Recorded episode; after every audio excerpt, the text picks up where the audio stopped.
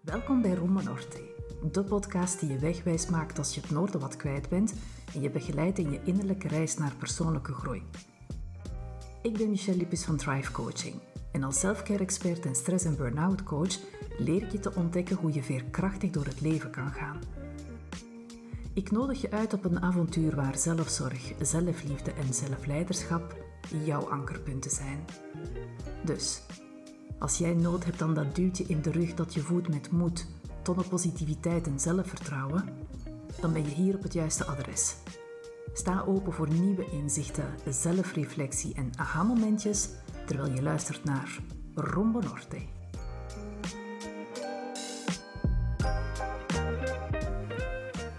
Hallo lieve luisteraar. Vandaag ga ik in gesprek met Inge Huis, een vrouw met een bijzonder warm hart voor mensen. Met haar praat ik over het belang van verbondenheid en in dialoog met elkaar gaan. En waarom het zo waardevol is om vanuit je hart een gesprek aan te gaan. Van harte welkom.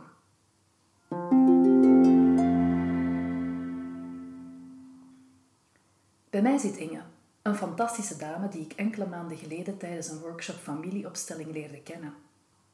Ook al hebben we tijdens de workshop niet veel met elkaar gesproken, het feit om in de rol van een familielid te gaan staan creëert een soort van verbinding die niet altijd met woorden uit te leggen valt. Het is eerder een gevoel van verbondenheid. Op het einde van de workshop wisselden we onze kaartjes uit en ik begon Inge te volgen op LinkedIn en Instagram. En keer op keer werd ik geraakt door haar pure, eerlijke en kwetsbare stijl van communiceren. Beide zijn we coach. Inge leert mensen te luisteren vanuit empathie en zo de brug te slaan naar het communiceren vanuit je hart. Misschien denk je, weer iemand die coach is. Maar waarom voelen zoveel mensen zich aangesproken om coach of therapeut te worden? Meestal gaat het om deze redenen. 1. Je bent van nature een helper. Check. 2. Vanuit jouw eigen ervaring wil je graag anderen op weg helpen in hun groei en transformatie. Check. Zowel Inge als ik herkennen onszelf hier heel sterk in. Inge is van nature een zorgzaam figuur met een mega warm hart voor mensen. De zorger in haar maakte dat ze haar professioneel leven startte als verpleegkundige. Wat ze als kind meemaakte, zou jaren later de beweegreden zijn om mensen op een andere manier in het leven bij te staan. Als vijfjarig meisje verloor ze haar mama en door omstandigheden was het contact met haar kleinbroertje sterk verminderd. Beide zaken waren voor haar een ontzettend groot gemis en dat heeft haar enorm getekend. Door de jaren heen heeft Inge deze pijn weten te transformeren naar een kracht. De kracht van kwetsbaarheid, empathie en verbinding. Inge coacht mensen, maar ook bedrijven en organisaties naar een nieuwe manier van helder en respectvol communiceren. En weldra rondt ze haar studies als bemiddelaar af, waar ze in de nabije toekomst haar eerste stapjes gaat zetten. Van harte welkom Inge. Bedankt om vandaag naar mij te komen. Hallo Michel, dankjewel dat ik hier mag zijn. Ik vind het een eer en een genoegen dat jij hier vandaag bij mij zit. Zullen we meteen met de deur in huis vallen? Ja, absoluut. Zoals ik daarnet al vertelde, verloor jij op jonge leeftijd jouw mama. Jouw moeder verliezen, en zeker op zo'n leeftijd, dat is iets dat bijzonder heftig is. We spreken hier over de jaren 70. En misschien toch belangrijk om de tijdsgeest van toen even mee te geven. Een tijd waar het uiten van emoties en de ruimte krijgen om verdriet te uiten niet echt aan de orde waren. Jouw papa verloor zijn dierbare vrouw, wat al heel intens is als ervaring. En kwam van de ene dag op de andere, als het ware, voor de opvoeding van twee kleine kindjes te staan. Voel je je comfortabel om hier wat meer over te delen met ons? Ja, absoluut. Uh, ik voel mij uh, op mijn gemak bij jou, Michel, om daar iets uh, over te delen en dat dan nadien ook beluisterd wordt door mensen. En op die manier kan het misschien ook mensen inspireren. Dus ik ben inderdaad als vijfjarige met een broer van twee toen plots mijn, mijn moeke, gelijk dat we ze noemen, verloren. En dat heeft impact. Dat heeft impact. En zeker zoals je beschrijft, de tijdsgeest waar dat we in zaten, werd er toch niet, wat ik me kan herinneren, veel over gevoelens gepraat. En dat is absoluut allemaal met de beste intentie. Ik denk dat mensen niet over gevoelens praten, soms uit bescherming, uit een soort willen uh, zorgen voor, nabij willen zijn, niet willen kwetsen, geen dingen nog erger maken dan dat ze zijn. En ik kan mij ook bijvoorbeeld niet herinneren dat op school waar ik toen zat, dat daar iemand aan mij gevraagd heeft, Inge, hoe voel jij jou nu, nu dat je jouw mama kwijt bent? Of um, ik kan mij ook niet herinneren dat daar een of ander ritueel rond geweest is. Als ik mij nu bekijk wat er allemaal bij overlijdens in gelijk welke situatie, hoe met rouw en met afscheid, uh, in de brede zin van het woord. Hè, want rouwen en afscheid, dat, hoeft niet alleen te zijn bij een overlijden. Dat kan ook over een scheiding gaan, of over een dier dat je verliest, of een vriend, of um, whatever. Er zijn zoveel manieren uh, waarbij dat je afscheid neemt van iets of van iemand. Dus dat heeft een enorme impact op mij gemaakt als kind. En ik denk dat ik daar op een of andere manier een stukje de verbinding met mezelf door verloren uh, ben. En heel hard als moeder, ik heb twee, twee zonen, uh, die ondertussen 24 en, uh, en bijna 23 zijn. Heel hard gezorgd. Dat zorgende heeft er altijd, altijd in gezeten. En, en heel hard gezorgd en, en, en er geweest. En die verbinding en die verbondenheid in ons gezin daarvoor gezorgd. En um, ja, de, de, de moment dat ik mijn moeder zelf, uh, dat ik de leeftijd had dat ik mijn moeder verloren ben, 36, ben ik eventjes, uh, uh, ja, gecrashed is een groot woord misschien, maar daar toch hyperventilatie en, en dergelijke die op mijn pad gekomen zijn. En waarbij dat ik enorm schrik had dat ik ook ging sterven. Um, en dat was zo eigenlijk een beetje de ommekeer. Daar ben ik enorm op zoek gegaan naar trajecten voor persoonlijke ontwikkeling. En uh, nadien is uh, Nonviolent Communication, het gedachtegoed van Marshall Rosenberg, of verbindende communicatie, geweldloze communicatie, op mijn pad gekomen. En uh, ja, dat heeft voor een enorme ommekeer uh, gezorgd en voor het uiten van mijn gevoel en het leren opkomen voor mezelf en dat het oké is om mezelf graag te zien naast de liefde voor iemand anders en dat ook ik behoeften heb en verlangens en waarden in mijn leven die ik zo graag ja, um, vervul. En ik was altijd maar bezig met een ander, zeker als verpleegkundige en als moeder.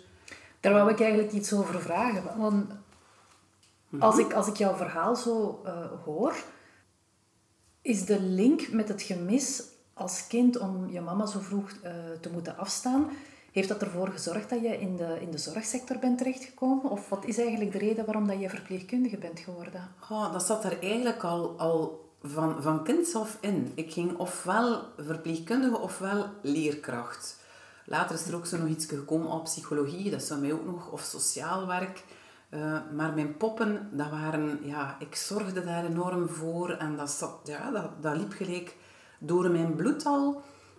Ik denk, mocht mijn vader mogen kiezen hebben in die tijd, dat hij eigenlijk ook iemand was die graag sociaal werk of verpleger. Dus dat zit zo En, en ik, ik weet dat mijn moeder heel graag ontwikkelingswerk had gedaan. En dus ik denk dat dat gewoon in mijn bloed stroomt. Dat dat, dat, dat door mijn aderen loopt. En, uh, en ik heb niet de indruk, allee, dat is toch niet hoe dat ik het percipieer, dat, dat ik verpleegkundige geworden ben vanuit het gemis van mijn moeder. Misschien wel het zorgende die er altijd al wat in gezeten heeft. En ja, het zorgen voor, het zorgen voor verbinding, voor ja, uh, geborgenheid, uh, mensen uh, een warm hart toedragen. Ja, dus niet specifiek door het verlies van mijn moeder, maar misschien onbewust wel een stukje. Mhm. Je gaf aan dat je dan op die leeftijd van 36, wat een beetje een mijlpaal is, dat je dan eigenlijk besloten hebt om, om aan jezelf te gaan werken. En dan ben je op dat moment gaan zoeken van oké, wat, wat kan ik doen of wat wil ik volgen? En hoe kom je dan eigenlijk bij, bij een Marcel Rosenberg? Want het is niet, als we spreken over persoonlijke ontwikkeling, de eerst of de eerste optie die je, die, die, eh, die je voorgeschoteld krijgt. Veel mensen zijn zelf niet bekend met, met de term verbindend communiceren. Misschien vandaag al iets meer, maar zoveel jaar terug kan ik me inbeelden dat dat zeker nog niet zo populair was als het, als het nu begint te worden. Nee, dat klopt.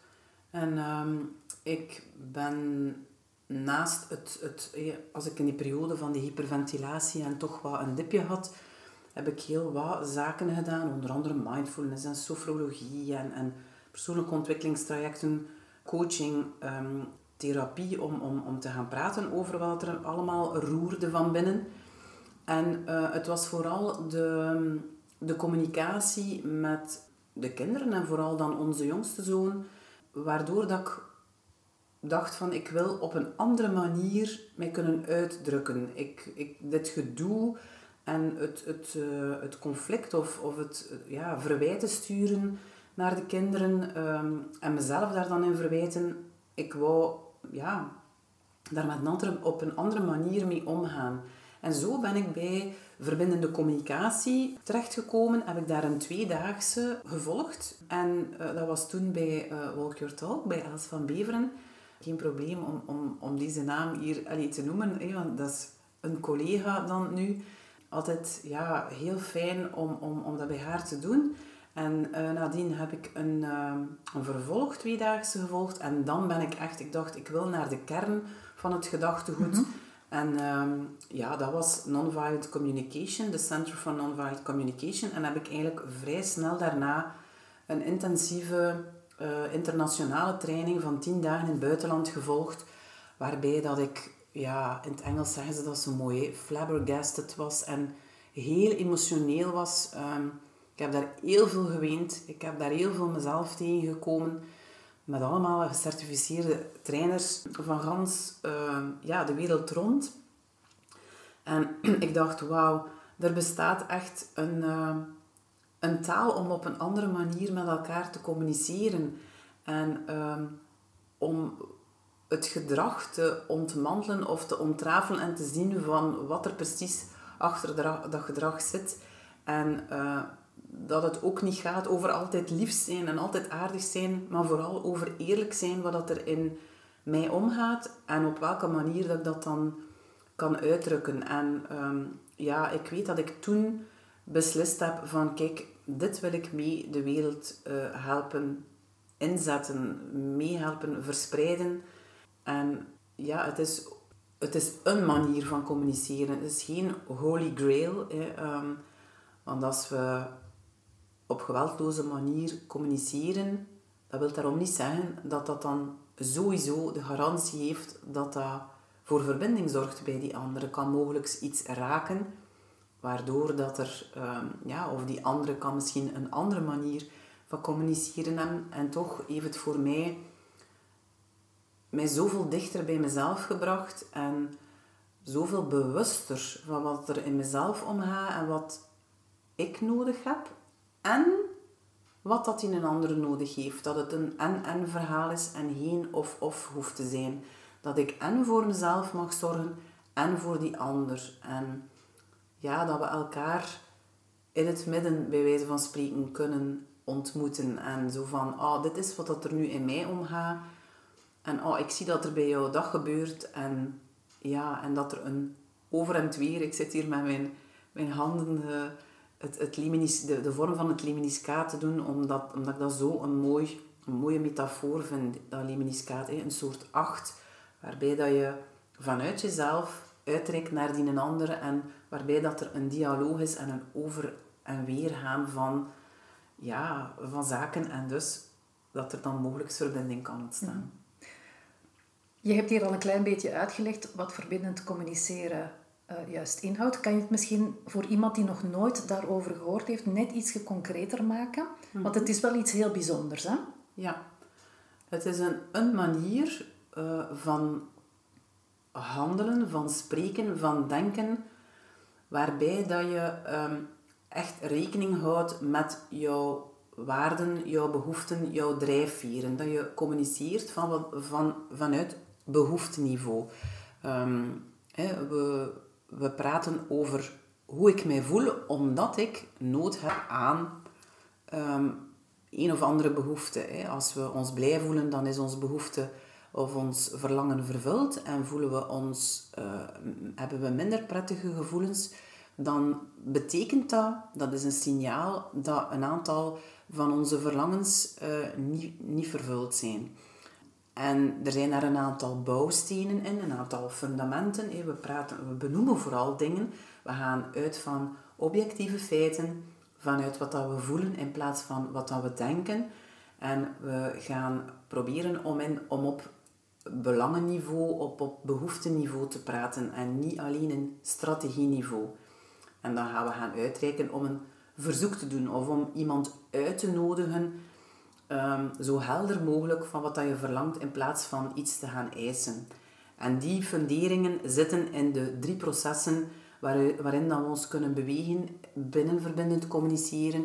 En dat is dat je eerst zelf empathie doet, dat je eerst denkt, eh, niet denkt, maar vooral voelt van, ja, wat voel ik en wat heb ik nodig? Dat je vanuit die verbinding met jezelf kan kiezen van, ofwel ga ik, ga ik me eerlijk uiten en ga ik gaan zeggen wat ik nodig heb en uh, wat dat, dat dan met een en anderen doet. Ofwel ga ik empathisch gaan luisteren en ga ik gaan gissen van, hmm, hoe zou het de ander zich hier voelen en vooral wat heeft hij nodig, waar verlangt hij naar, wat zijn zijn drijfveren, wat zijn de belangen die hier spelen. En als we dat kunnen ontrafelen, als we achter dat gedrag kunnen gaan kijken, dan ontstaat er zoveel meer en kijken we op een andere manier naar mensen. Heel interessant. Ehm, kan je misschien een, een, voorbeeldje geven, zodanig dat iemand die daar nog niet zo bekend mee is, dat hij zich daar iets bij kan voorstellen? Want iemand die daar nog nooit mee bezig is geweest, misschien denkt hij zo van, oké, ik hoor nu veel woorden, maar hoe uitziet dat? Ik weet dat um, er heel wat filmpjes op YouTube terug te vinden zijn van uh, Marshall, mhm. die dan alle mogelijke situaties die hij um, als bemiddelaar en psycholoog uh, met ons deelt, die hilarisch zijn. Mhm. uh, als je daar interesse in hebt, het is wel in het Engels, maar zoek het op. Het is echt fantastisch hoe dat hij dat verwoordt. Absoluut. Uh, maar kan je bijvoorbeeld zo eens eventjes iets, iets concreet, dat mensen kunnen een idee krijgen van, ah, oké, dat betekent verbindend communiceren. Mm Ja, gisteren nog, gisteren ehm, had ik een gesprek met, met een van de kinderen. En um, ja, er wordt dan bijvoorbeeld geuit, frustratie geuit, van ja, en dat is toch, uh, dat is toch niet te doen en uh, ze vragen mij nooit mee en uh, dat is nu al de derde keer en um, dat kan toch niet zijn. en dan, dan, dan zou ik daar kunnen in meegaan hè, en wat ik dan doe is zeggen van, ah, ja, ik merk dat je gefrustreerd bent. Je wou eigenlijk dat er rekening gehouden werd met jou. Ja, ja, ja. Hè. Dus als je op die manier met mensen praat, als ik empathisch ga gaan luisteren, of als ik dat bijvoorbeeld vroeger met patiënten deed, ja, dan merk je dat, dat mensen zakken. Dat, ze, dat hun gevoel van frustratie of boosheid zakt en dat ze zich begrepen voelen. En gehoord um, waarschijnlijk Ja, dat ze zich gezien en gehoord uh, weten um, en, en dat er een soort rust komt. Dat, is, dat is één, één, één manier. En wat dat er uh, bijvoorbeeld ja, eerlijk uiten is... Um, ja, dat ik echt... En ik weet niet of ik het voorbeeldje van wat dat wij samen... Of dat ik dat mag aanhalen of gebruiken. Absoluut. het is dus eigenlijk een, een, mooie vorm van, van uh, verbindend communiceren. Ja, en het is uit het leven gegrepen. Hè? Uh, want het is, het is geen... Ik zeg altijd van, het is niet een methode dat een keer uit je sakos haalt als het past. Nee, het is een levensvisie, een soort levensfilosofie. Hè? Um, waarbij, waarbij dat ik daar integer uh, wil mee omgaan en, en ja, dat als het ware leven en, en dat gewoon dagdagelijks en niet alleen als het past. Dus uh, het was zo dat jij mij um, eerst uh, gebeld had om te vragen om deze podcast op te nemen. En um, we hebben daar dan, je hebt mij dan een mailtje gestuurd om even met Rumbo Norte in contact te komen. Ik heb daar ja, vrij snel ja op gezegd. We hebben elkaar dan gehoord. En ik weet dat ik toen aan jou gevraagd had... Hé, jij, hoort, woont op een, uur en twintig minuten van bij mij. En ik had jou het verzoek gedaan of ik uh, daar kilometervergoeding mocht voor aanrekenen. En jij was daarop ingegaan. Uh, en je had gezegd, uh, ja, dat is, dat is oké. De podcast zelf, daar, um, daar is geen vergoeding voor. Hè. Ik, ik, verdien daar niks aan. Dus dat, dat was heel duidelijk. En je had ja gezegd op mijn verzoek aan kilometervergoeding. En um, nadien um, heb je mij een berichtje gestuurd van... Uh, ik wil je nog eens horen over iets. En ik weet dat ik toen glimlachte en dat, dat er zoiets was in mij die dacht van... Hmm, over wat zou dit nu gaan? En er ging een gedachte, een veronderstelling, door mijn hoofd van... Hmm, zou dat misschien iets zijn rond, rond die kilometervergoeding? Dus ik had zo al een vermoeden... En uh, we hebben elkaar dan gehoord en je hebt dat toen heel mooi uh, verwoord en heel eerlijk geuit. Van, ha Inge, ik heb daar nog een keer over nagedacht. En ik struggle daarmee, want ik heb dat nog met niemand gedaan. Hé, en ik vind het belangrijk dat ik... Um, ik weet ook niet meer, ik weet, of dat, ik weet niet of jij nog eens wilt inpikken daarop, wat dat jij precies gezegd hebt. Ja, en dat, ja. Dat is misschien nog interessanter. Ja, voilà. Dus ik zat inderdaad uh, een beetje vanuit het, het pleasers en het enthousiasme, hè, was ik uh, daarop ingegaan. En dan daarna was ik aan het denken van, oei, als iedereen met wie dat ik een aflevering ga opnemen, die naar hier komt, als die mijn kilometervergoeding gaat beginnen te vragen, ja, dan wordt dat wel een, een dure grap, die podcast. En ik, ik verdien daar ook niks aan. Er zit ook geen publiciteit of geen reclame in, in, in verwerkt of dergelijke. um, ik steek daar heel veel tijd en energie in en ook heel veel liefde. En van daaruit dat voor mij het een, een belangrijk iets was dat met wie dat ik samen een, een, een opname doe, dat dat vanuit een, een, um, een evenwichtig en, en, en op dezelfde manier transparant mag zijn, zonder dat daar echt een, een, een kostenplaat aan beginnen te hangen is. En toen dacht ik bij mezelf van, ik ga dat moeten uitspreken, want ik sliep daar dus gewoon s'nachts niet van. Ik heb daar een hele nacht van wakker gelegen van, ah, ik had dat moeten zeggen en Mm-hmm. Waarschijnlijk zullen veel mensen zoiets herkennen. Hè, van, je geeft toe aan iets. Ja, waarschijnlijk van, jee, ik mag hier kilometervergoeding aanrekenen. Mm-hmm. En ik was dan beginnen te tellen hoeveel dat, dat mij zou kosten. En toen was dat van, oh, dat gaat hier veel geld zijn om iemand uit te nodigen. En als je dat aan jou toestaat, dan wil dan zeggen dat iedereen die naar hier komt, dat ik die ook kilometervergoeding moet gaan betalen. En daar zat ik heel gevrongen mee van, ik mag daar niet een norm van gaan maken. Mhm. Maar ja, ik dacht dan ook van, als er één iemand is met wie dat ik open en eerlijk en transparant dat kan uitklaren, dan is het wel Inge, want Inge weet veel van verbindend communiceren. En ik denk dat, dat mij dat ook moed gegeven heeft om dat te durven. Want ik zweer het u, ik, ik zat met een serieus ei in mijn broek. Want aan de ene kant wou ik zo graag die aflevering met jou hebben. Mhm. En aan de andere kant was ik ook een beetje bang van, oei, maar misschien gaat die aflevering er niet van komen. En wat gaat die mevrouw daarna van mij wel denken? En gaat die mij nog wel tof vinden? Hè? Dus alle gedachten, gedachten. Oh ja, ja, ja. Dus ik bedoel, daar, daar heb ik een heel verhaal rond gemaakt. Hè? En toen dacht ik van, courage, courage. Even uw moed bijeenpakken en, en, en, um, en het gewoon open durven uit te spreken. Ja, ja.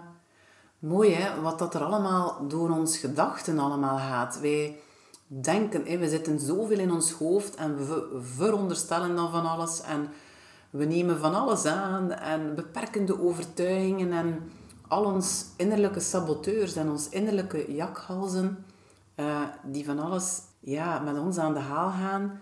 En, en dan zo mooi hoe dat je je moed uh, bijeen geraapt hebt om toch eerlijk te uiten en op te komen voor jezelf. Zo, of jouw behoefte aan uh, balans, aan, aan, aan evenwicht, aan... Uh, ja, dat je dat... Grenzen, hè? want het ja. is ook in dit geval een grens van waar trek ik de lijn, waar voel ik mij comfortabel bij, waar voel ik me niet comfortabel bij. Ja. En dat is dan weer een stukje zelfzorg. Ja, en ik had ook vanuit, vanuit die zorg, hè, want vroeger, ik was met geen geld bezig... En nu, vanuit het, het verhaal van zelfstandigen, was er bij mij toen, tussen ons eerste gesprek, had ik zo door ook mijn gedachten in mijn hoofd. Allee, durf het daar te vragen. Durf het daar te vragen.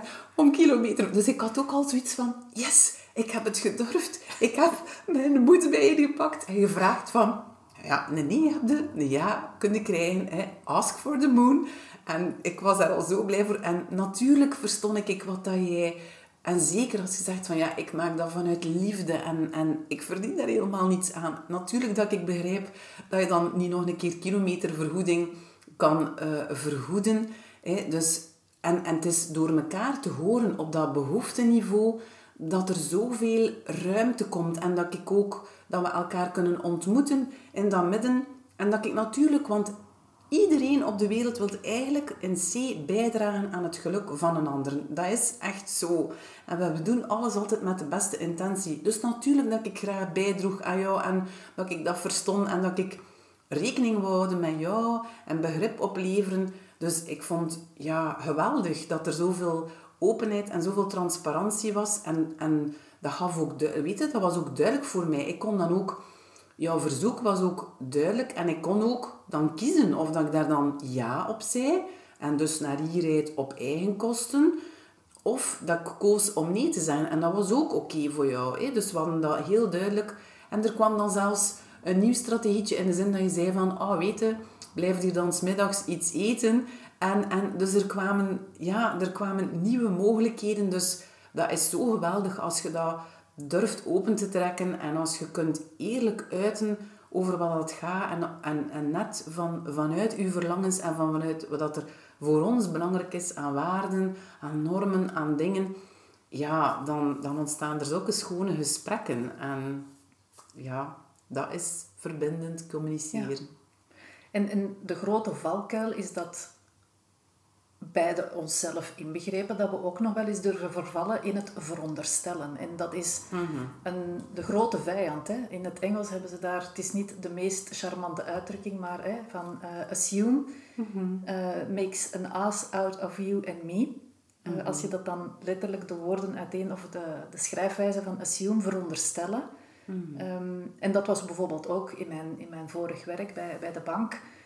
Dat was van nooit vanuit de veronderstelling uit te gaan. Van mhm. Eerst altijd te checken, klopt dit? Is dit correct?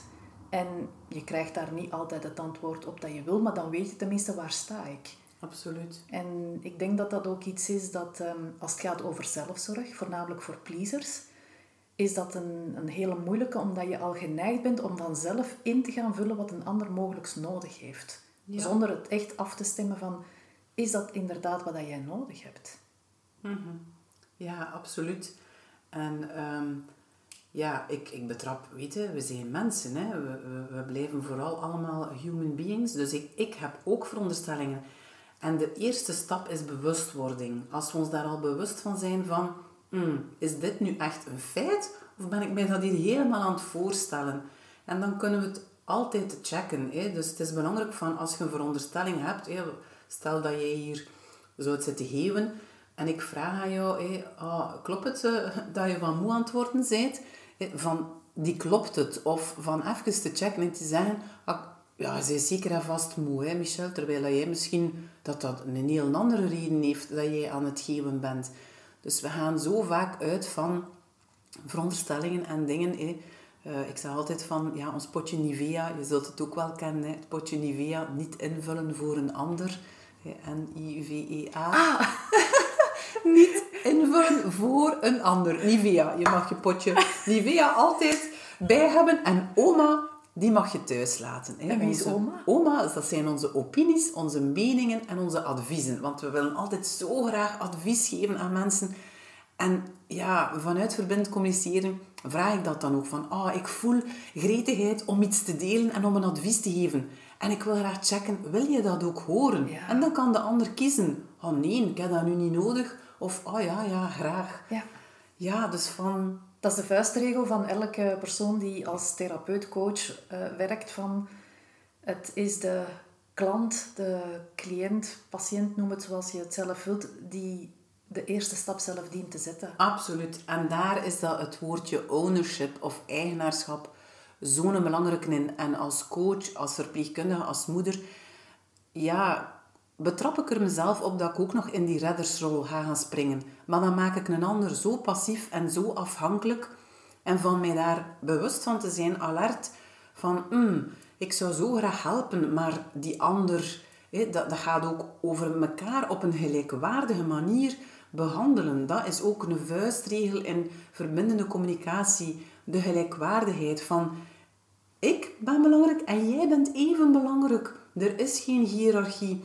Dus ah, ik voel zo uh, gretigheid om te helpen en tegelijkertijd vertrouw ik erop dat die ander zijn eigenaarschap kan nemen en zelf kan uitreiken of ook heel goed voor zichzelf kan zorgen. En als dat niet zo is, dat hij wel zal uitreiken en kijken welke hulpbron dat hij nog kan gebruiken. Ja, interessant. Binnen x aantal weken, maanden, ik weet niet hoe lang dat jouw opleiding tot bemiddelaar nog uh, duurt, ga jij ook nog een extra deel aan, aan jouw ehm, service, als het ware, toevoegen, bemiddelaar. Mm op welke manier gaat de bemiddelaar in jou met verbindend communiceren aan, aan de slag? Want misschien voor veel mensen, één, weten ze niet goed wat een bemiddelaar juist is, wat die juist kan betekenen. Want ik denk dat dat zeker in um, situaties waar mensen, laten we zeggen, op een, op een harmonieuze manier conflict situaties willen aanpakken, dat het inschakelen van een bemiddelaar op dat moment wel eigenlijk een soort van ja, een logische stap is? Of, of uh, hoe zou je dat omschrijven? Ja, dat wordt ook al heel veel uh, in, in rechtszaken. En er zijn heel veel advocaten nu, uh, of, of rechters, die aanraden om eerst in bemiddeling te gaan voordat je direct in een proces gaat. En dat is net om die dialoog te bevorderen. Een bemiddelaar gaat ervoor zorgen dat dat wat dient gezegd te worden, ook wel degelijk kan gezegd worden op een manier die te horen valt voor elkaar. Dus die verbindende communicatie of die geweldloze communicatie zit verweven in de uh, opleiding die ik momenteel bij Medif aan het volgen ben. Omdat we heel hard, je hebt verschillende fasen in bemiddeling. Eerst is in de eerste fase blijft iedereen op zijn eigen grond, want soms laait, laait de emotie zo hard op. Um, en in de tweede fase, de, de verbindingsfase, daar ga je terug die dialoog gaan stimuleren en ga je gaan kijken welke belangen dat er spelen. Dus dan is dat eigenlijk gaan luisteren op behoefteniveau van ja, wat speelt er hier bij jou en wat speelt er bij die andere partij of verschillende partijen. En dan op behoefteniveau of op belangenniveau of op waardeniveau, uh, wat dat er, ja, hoe komt dat dat dat hier speelt en hoe komt dat dat jij uh, dat zo belangrijk uh, zou vinden om een bepaalde prijs voor een huis te krijgen of om een bepaalde regeling rond de kinderen of een bepaald, ja, in, in een vennootschap bijvoorbeeld, vernoten met elkaar. Dus er speelt daar van alles op belangenniveau. En dan is ja, dat empathisch luisteren, dat gaan en via verschillende vragen elkaar ja, te gaan begrijpen van hoe komt dat dat jij op die manier gereageerd hebt? Of hoe komt dat dat deze emotie naar boven komt en elkaar terug kunnen begrijpen? En, en vandaar dan die een dialoog stimuleren en op die manier tot een oplossing die vanuit de, de klant komt te gaan, te gaan werken. Dus ehm, ja, de, ik merk dat de puzzel stilletjes aan in elkaar aan het vallen is. Ik ben ook super blij dat ik daar al zoveel, zoveel opleidingen rond gevolgd heb, rond geweldloze communicatie, omdat dat mij nu heel hard helpt in, in, net in dat, in dat bemiddelen. Het was eigenlijk een beetje de volgende logische stap, als het ware. Voor mij, voor mij want voor iemand anders kan het iets anders zijn, maar voor mij merk ik dat de puzzel zo wat in, het, in elkaar aan het vallen is. En ik merk ook door mijn coachingopleidingen dat de vraagstellingen die we als bemiddelaar doen, ja, dat ik daar ook mee vertrouwd ben en dat dat iets is die, die ondertussen in mij zit. En, en ja, van, ja, wat maakt dat je... En, en ja, dat, die, die coachingvragen die daar, die daar uh, absoluut aan te pas komen. Dus uh, ik ben blij. Heel interessant. Vorige week uh, had ik nog een dame die voor een kennismakinggesprek kwam. En zij gaf ook al onmiddellijk aan van, dat ze het um, moeilijk had om te communiceren met haar gezin. En mhm. toen moest ik onmiddellijk denken van, oh, het is een beetje ver hè, om, uh, om, om haar uh, naar, naar West-Vlaanderen, of het is nog altijd Oost-Vlaanderen, het is een beetje zo de, de grens, de, regio. Ja. ja. maar ik hoor het wel heel vaak dat mensen zelf aangeven um, dat ze behoefte hebben om anders te leren communiceren, omdat het, wij, wij hebben eigenlijk geleerd, jammer genoeg, van vanuit verwijt te praten. Absoluut. Mhm. En met verwijten kom je natuurlijk nergens, maar dat is natuurlijk ook een gewoonte die je, je letterlijk je leven lang eigen hebt gemaakt. Mhm. Dat is niet iets dat je van de ene dag op de andere um, ompoelt. Ehm, Maar dat wil ook niet gaan zeggen dat je volledig ehm, een nieuwe manier van communiceren moet gaan aanleren, maar dat het wel kan helpen of dat het waardevol is om te ontdekken van hoe kan het nog. Mm Wie zijn bijvoorbeeld mensen die bij jou terecht kunnen ehm, als ze zeggen van, ah ja, kijk, ik wil inderdaad een meer harmonieuze vorm van communicatie in mijn gezin, op het werk of in andere omstandigheden ehm, leren aanpakken. Ehm, wat kan jij dan bijvoorbeeld voor zo iemand betekenen? Maar ik wil eerst nog eens terugkeren op wat je zei, van we zijn zo gewoon om te praten vanuit verwijten, vanuit oordelen, vanuit veronderstellingen. Ook ik. En um, voor alle duidelijkheid, er is daar niets mis mee. En ik ga dat even nuanceren in die zin dat we... ik weet dat als ik in mijn eerste IIT, dus die internationale intensieve training zat, dat ik dacht, oh, dat is nu een keer mijn verlangen zie. Om nooit meer te oordelen. En een van mijn trainers, Godfrey, zei, Inge, vergeet het. Dat bestaat niet. Hè. Niet oordelen, dat bestaat niet. Trouwens, die oordelen of die verwijten, die zijn net, die, die, die zijn net de leidraad of de link naar wat speelt er hier en waar verlang ik nu zo heel hard naar. Dus we hebben allemaal die giraf en die jakhals in ons. Dus ook ik denk en spreek nog in oordelen en verwijten. En dat leidt net naar van, ah, maar waar verlang ik, als ik nu iemand verwijt of mezelf verwijt, waar verlang ik dan zo hard naar? Dus dat is een superbelangrijke om niet te zeggen, ja, we mogen dan nooit meer oordelen. Ja, ik weet als ik bewust kies om bijvoorbeeld een verwijt naar jou te sturen, dat ik afstand ga creëren en dat er geen verbinding gaat zijn. Dus ik kan ook bewust kiezen om te zeggen, nee, ik ga het anders doen. Ik ga bijvoorbeeld met een trigger die van jou bijvoorbeeld zou komen, of een verwijt. Ik kan kiezen van, ik ga terugverwijten. Daar kan ik bewust voor kiezen en daar de consequenties van dragen.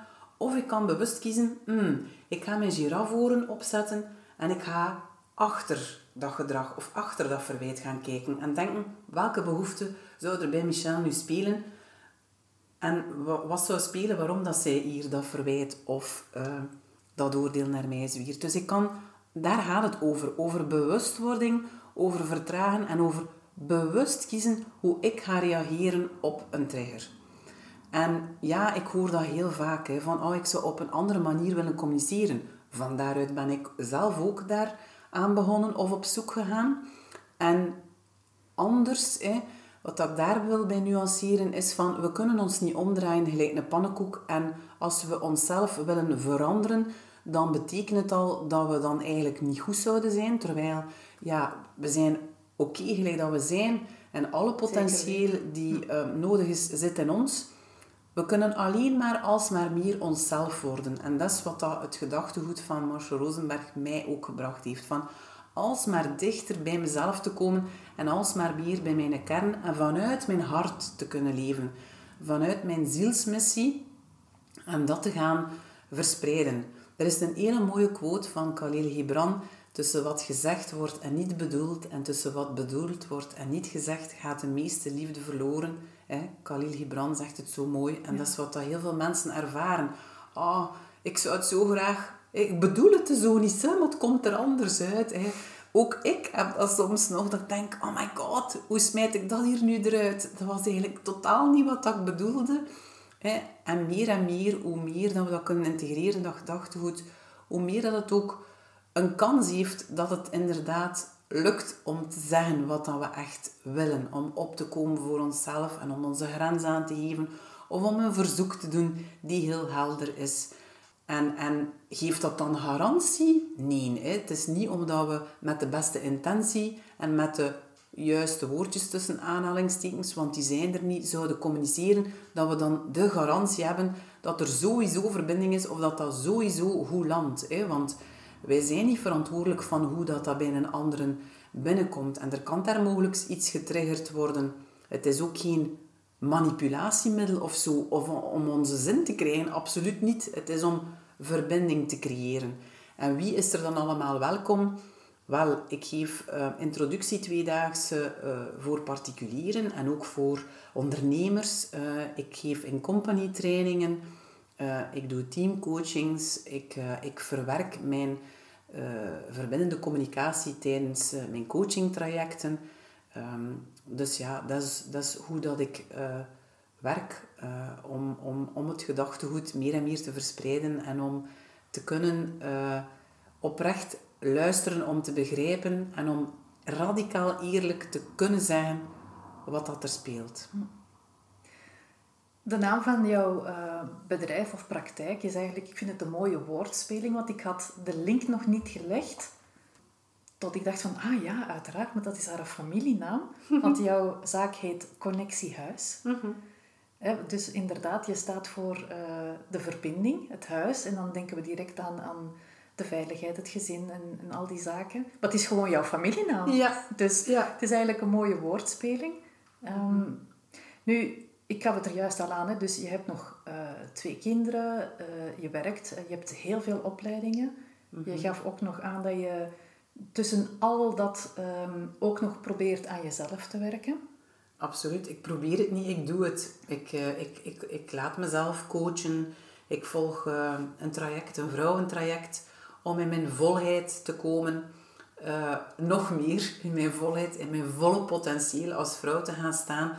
Wat dat zich ook op business uh, vlak zal, uh, zal vertalen. Dus ja, ik vind het belangrijk om ook aan mezelf te werken. En ik, ik, ik volg ook nog opleidingen rond, rond nonviolent communication. Dan meer gespecialiseerde dingen. Dus ja, ik vind het belangrijk om alsmaar dichter en dichter bij mezelf te komen via verschillende mhm. wegen. Rumba Norte gaat voornamelijk over zelfzorg, zelfliefde, zelfleiderschap. Zelfleiderschap is al behoorlijk aan bod gekomen.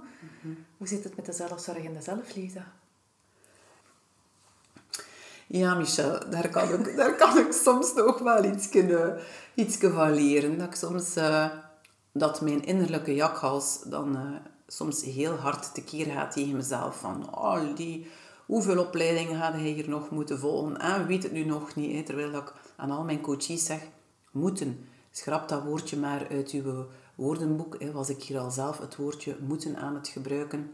Ehm, dus ja, wat doe ik aan zelfzorg? Ik mediteer, ik, uh, ik ga zwemmen, ik ga heel veel wandelen in de natuur. Ik heb fantastische familie en vrienden rond mij. Eh, die met heel veel empathie bij mij aanwezig zijn. Ehm, en soms, ja, soms verglijd ik in dingen en denk ik, oh, verdorie, zo streng voor jezelf. Of dat latje die daar zo hoog ligt. Of, dus ja, ook voor mij is het nog soms een uitdaging om heel goed voor mezelf te zorgen. En toch niet weer in die valkuil van de ander eerst, de ander eerst. Nee, nee, ik kan eerst, ik mag eerst mijn zuurstofmasker op mijn eigen mond zetten en dan op een ander. Dus het, het blijft een uitdaging. Ja, ja. dat is ook een, eh, een metafoor die ik denk ik in de eerste of de tweede aflevering van Rumbo Norte gebruik. Uh, het zuurstofmasker. Mhm. Ehm, en voornamelijk als, als um, iemand die, of het nu gaat over fysieke of mentale zorgverstrekker, is het heel belangrijk dat we eerst goed voor onszelf zorgen. Want als wij goed voor onszelf zorgen, kunnen we er ook voor anderen zijn. En we zijn er inderdaad voor anderen, of het nu gaat over klanten of patiënten, maakt op zich niet veel uit. Om hen te kunnen dragen, en dan bedoel ik niet fysiek te dragen, maar hè, een veilige bedding te kunnen creëren, is het zo belangrijk dat we ook goed voor onszelf zorgen. Ja, en absoluut. Dat is denk ik voor iedereen die, die zelfstandige is ook een, een, een uitnodiging van waar begint jouw werk? Waar eindigt jouw werk? Wanneer neem jij tijd voor jezelf? Mm dus ik um, vind het altijd wel heel interessant om eens te horen van hoe, hoe zit dat bij andere mensen. Uiteraard, bij mij draait er heel veel rond zelfzorg. Maar dat wil niet zeggen dat ik daar ook nog veel over te leren heb. Hè. Mhm. Je hebt er juist al een hele mooie quote gedeeld. Mhm. Is er nog een andere quote uh, dat je bij deze aflevering uh, wilt toevoegen? Of, of is dit jouw quote? die je er net uh, gedeeld hebt rond. Want ik vond het wel een hele mooie. En het, is het doet me ook een beetje denken aan, aan een quote van Rumi. Ja. Je weet al de welke dat ik bedoel. ja, zeg maar. Ja, het, het, het, ontgaat me nu eventjes. Het gaat over... is het iets van tussen... Um, dat er geen goed en fout is. We, moeten, we ontmoeten elkaar op, op een, een veld daarbuiten. Ja, maar, maar de, de letterlijke... Het is wel die quote heb ik al zoveel zelf gebruikt en hij ontgaat mij nu zelf. Hè. Voorbij goed en fout is er een veld. Ik ontmoet jou daar. Ja. Zoiets, ja. Dat is voor mij de mooiste omschrijving als coach, want wij staan, wij staan normaal gezien heel buiten het veld. Wij zijn niet betrokken in het verhaal, wij zijn puur observator. Niet goed, niet slecht. Wij kijken en luisteren. Ja. En vandaar proberen we een, een, een verbinding te maken eh, met, met onze klant, om die uit te nodigen om eens verder te kijken, voorbij dat veld van, van goed en, en, en slecht. Ja. En daarop aansluitend, omdat je sprak over zelfzorg, vind ik het een absoluut een belangrijke dat we dat ook doortrekken naar onszelf. Dus voor mezelf merk ik dat ook ik nog soms in dat goed en fout denken over mezelf denk. Hè, van, oh, ik heb dat niet goed gedaan of dat kon weer veel beter. Zo streng voor mezelf, terwijl ik dan denk, ga Inge, en als je nu met mildheid naar jezelf kijkt en ja, wat gaat er hier nu bij je om en wat heb jij nu nodig? En ik wil niet in dat goed of in dat fout, maar daar voorbij. En ik wil vooral vieren wat dat er allemaal wel goed lukt en, en, en wat dat er wel loopt zoals dat ik het graag wil. En, ja, Heel belangrijk. ja, Want als coach, inderdaad, hebben we altijd onze blik van waar kunnen we nog in groeien, wat kan er nog Ja. veranderen. Maar dat we ook regelmatig mogen kijken van wat gaat er al goed. ja, en dat te vieren. Ja. Het, het is eigenlijk heel grappig. Ik zie jou al hier een hele tijd met giraforen zitten. In mijn verbeelding, ik heb een, een heel levendige verbeelding voor de mensen die niet bekend zijn met eh, de video's van Marshall eh, Rosenberg. Hij gebruikt heel regelmatig ehm, zo een setje met ik heb dat ook een oren. diadeem. Ja. een diadeem met de en giraforen. Eh, ik vroeg mij af, van, hoe zou het zijn, stel dat jij een hele dag zo met een diadeem met giraforen zou rondlopen. Zou ons dat alert maken om... om... Misschien. Misschien. Hè. En, en als we dan mild zijn voor onszelf. Hè, want er is een heel mooi verhaal die ik soms in, in, in trainingen voorlees over de zwarte wolf en de witte wolf in ons. En, en eh, een indianen eh, opa die het aan zijn kleinzoon vertelt. En we hebben ze allebei in ons. Hè. Dus we kunnen, ja, liefst van al zijn we een hele dag giraf. En tegelijkertijd denk ik, laat ons vooral menselijk blijven. En die, die jakhals ook omarmen. En, en eh, die mag er ook zijn. Want als we de een of de andere niet voeden, dan, hè, als we onze jakhals niet voeden of niet zien, dan wordt dat op een duur een ganse horde jakhalzen. Dus het is ook belangrijk van ons daar bewust van te zijn van, ah, welkom. Welkom, lieve jakhals. Jij mag er ook zijn. En wat kom jij mij vertellen? en, en, en op die manier. Dus niet, niet want anders zijn we, zijn we ook al, weet al in, in, in dat polariserende bezig. En die jakhals is niet slechter dan in die giraf. Of omgekeerd, ze zijn alle twee oké. En laat ons onze jakhals aan, want in elke jakhals zit er een baby girafje. Dat is waar. Mm. Probeer mij daar nu zo eventjes iets bij voor te stellen. maar dat leidt ons eh, helemaal weg van, van de topic. Ehm, Ik vond het eh, heel interessant om, om met jou dat gesprek te hebben. Ehm, Het is altijd wel heel fijn, omdat je hebt wel een aantal ideeën als, als eh, host van de podcast van vragen die je wil stellen, maar je weet uiteindelijk, het, het gebeurt allemaal heel organisch en heel spontaan van wat komt er hier allemaal naar voren. Ehm, ik ga sowieso in de info van deze aflevering alle linken leggen, hoe dat mensen jou kunnen volgen, maar misschien wel eens handig om te weten, ehm, waar ben jij het meest actief als het gaat op social media? Eh, ja, iedereen is van harte welkom eh, op Connectiehuis via Instagram, die gekoppeld is aan Facebook. En ik ben ook heel actief op LinkedIn. Eh, dus altijd eh, welkom om een, een connectieverzoekje te sturen. En um, ja, inge.connectiehuis.be kan je mij via mail eh, bereiken of surfen naar www.connectiehuis.be om de workshops, trainingen te bekijken. hè. De data voor het najaar die komen er binnenkort op. Heel interessant, dankjewel. We gaan hier deze aflevering afronden. Mhm. Nogmaals bedankt om van eh, ver naar hier te willen komen, zonder kilometervergoeding. en ik eh trakteer jou met veel plezier op een, op een lekkere maaltijd deze middag. Ik, eh, ja, ik ben dankbaar en, en, en, en ik voel echt, echt absoluut heel veel blijdschap en vervulling. Dit was iets nieuw, dus ik, ik, ik vind het sowieso leuk om, uh, om nieuwe dingen uh, uit te testen. Hè. En mijn Pipi gehalte zegt dan altijd, ik heb het nog nooit gedaan, maar het zal wel lukken.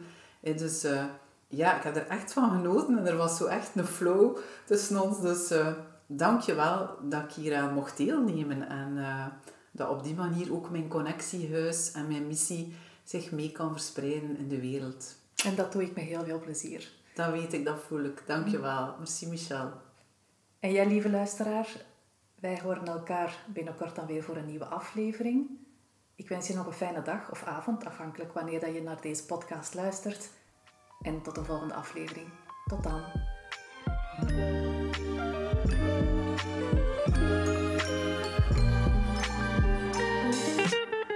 Super tof dat je luisterde naar deze aflevering van Rumbo Norte. Dank je wel. Werd je geïnspireerd door deze aflevering of ken je iemand die ook interesse heeft in persoonlijke ontwikkeling op een down-to-earth manier? Delen mag altijd. Laat een beoordeling of review achter op de app waarmee je naar deze podcast luistert, bijvoorbeeld iTunes. Het achterlaten van een review is heel eenvoudig. Scroll door naar beoordeling en recensie, geef een score en vertel waarom jij deze podcast leuk vindt. Zo maak je het mogelijk dat anderen de weg naar Rumbo Norte ook kunnen vinden. Oh ja, en als je graag wil weten wanneer er een nieuwe aflevering beschikbaar is, dan kan je je abonneren op deze podcast. Ik wens je nog een fantastische dag en graag tot een volgende aflevering.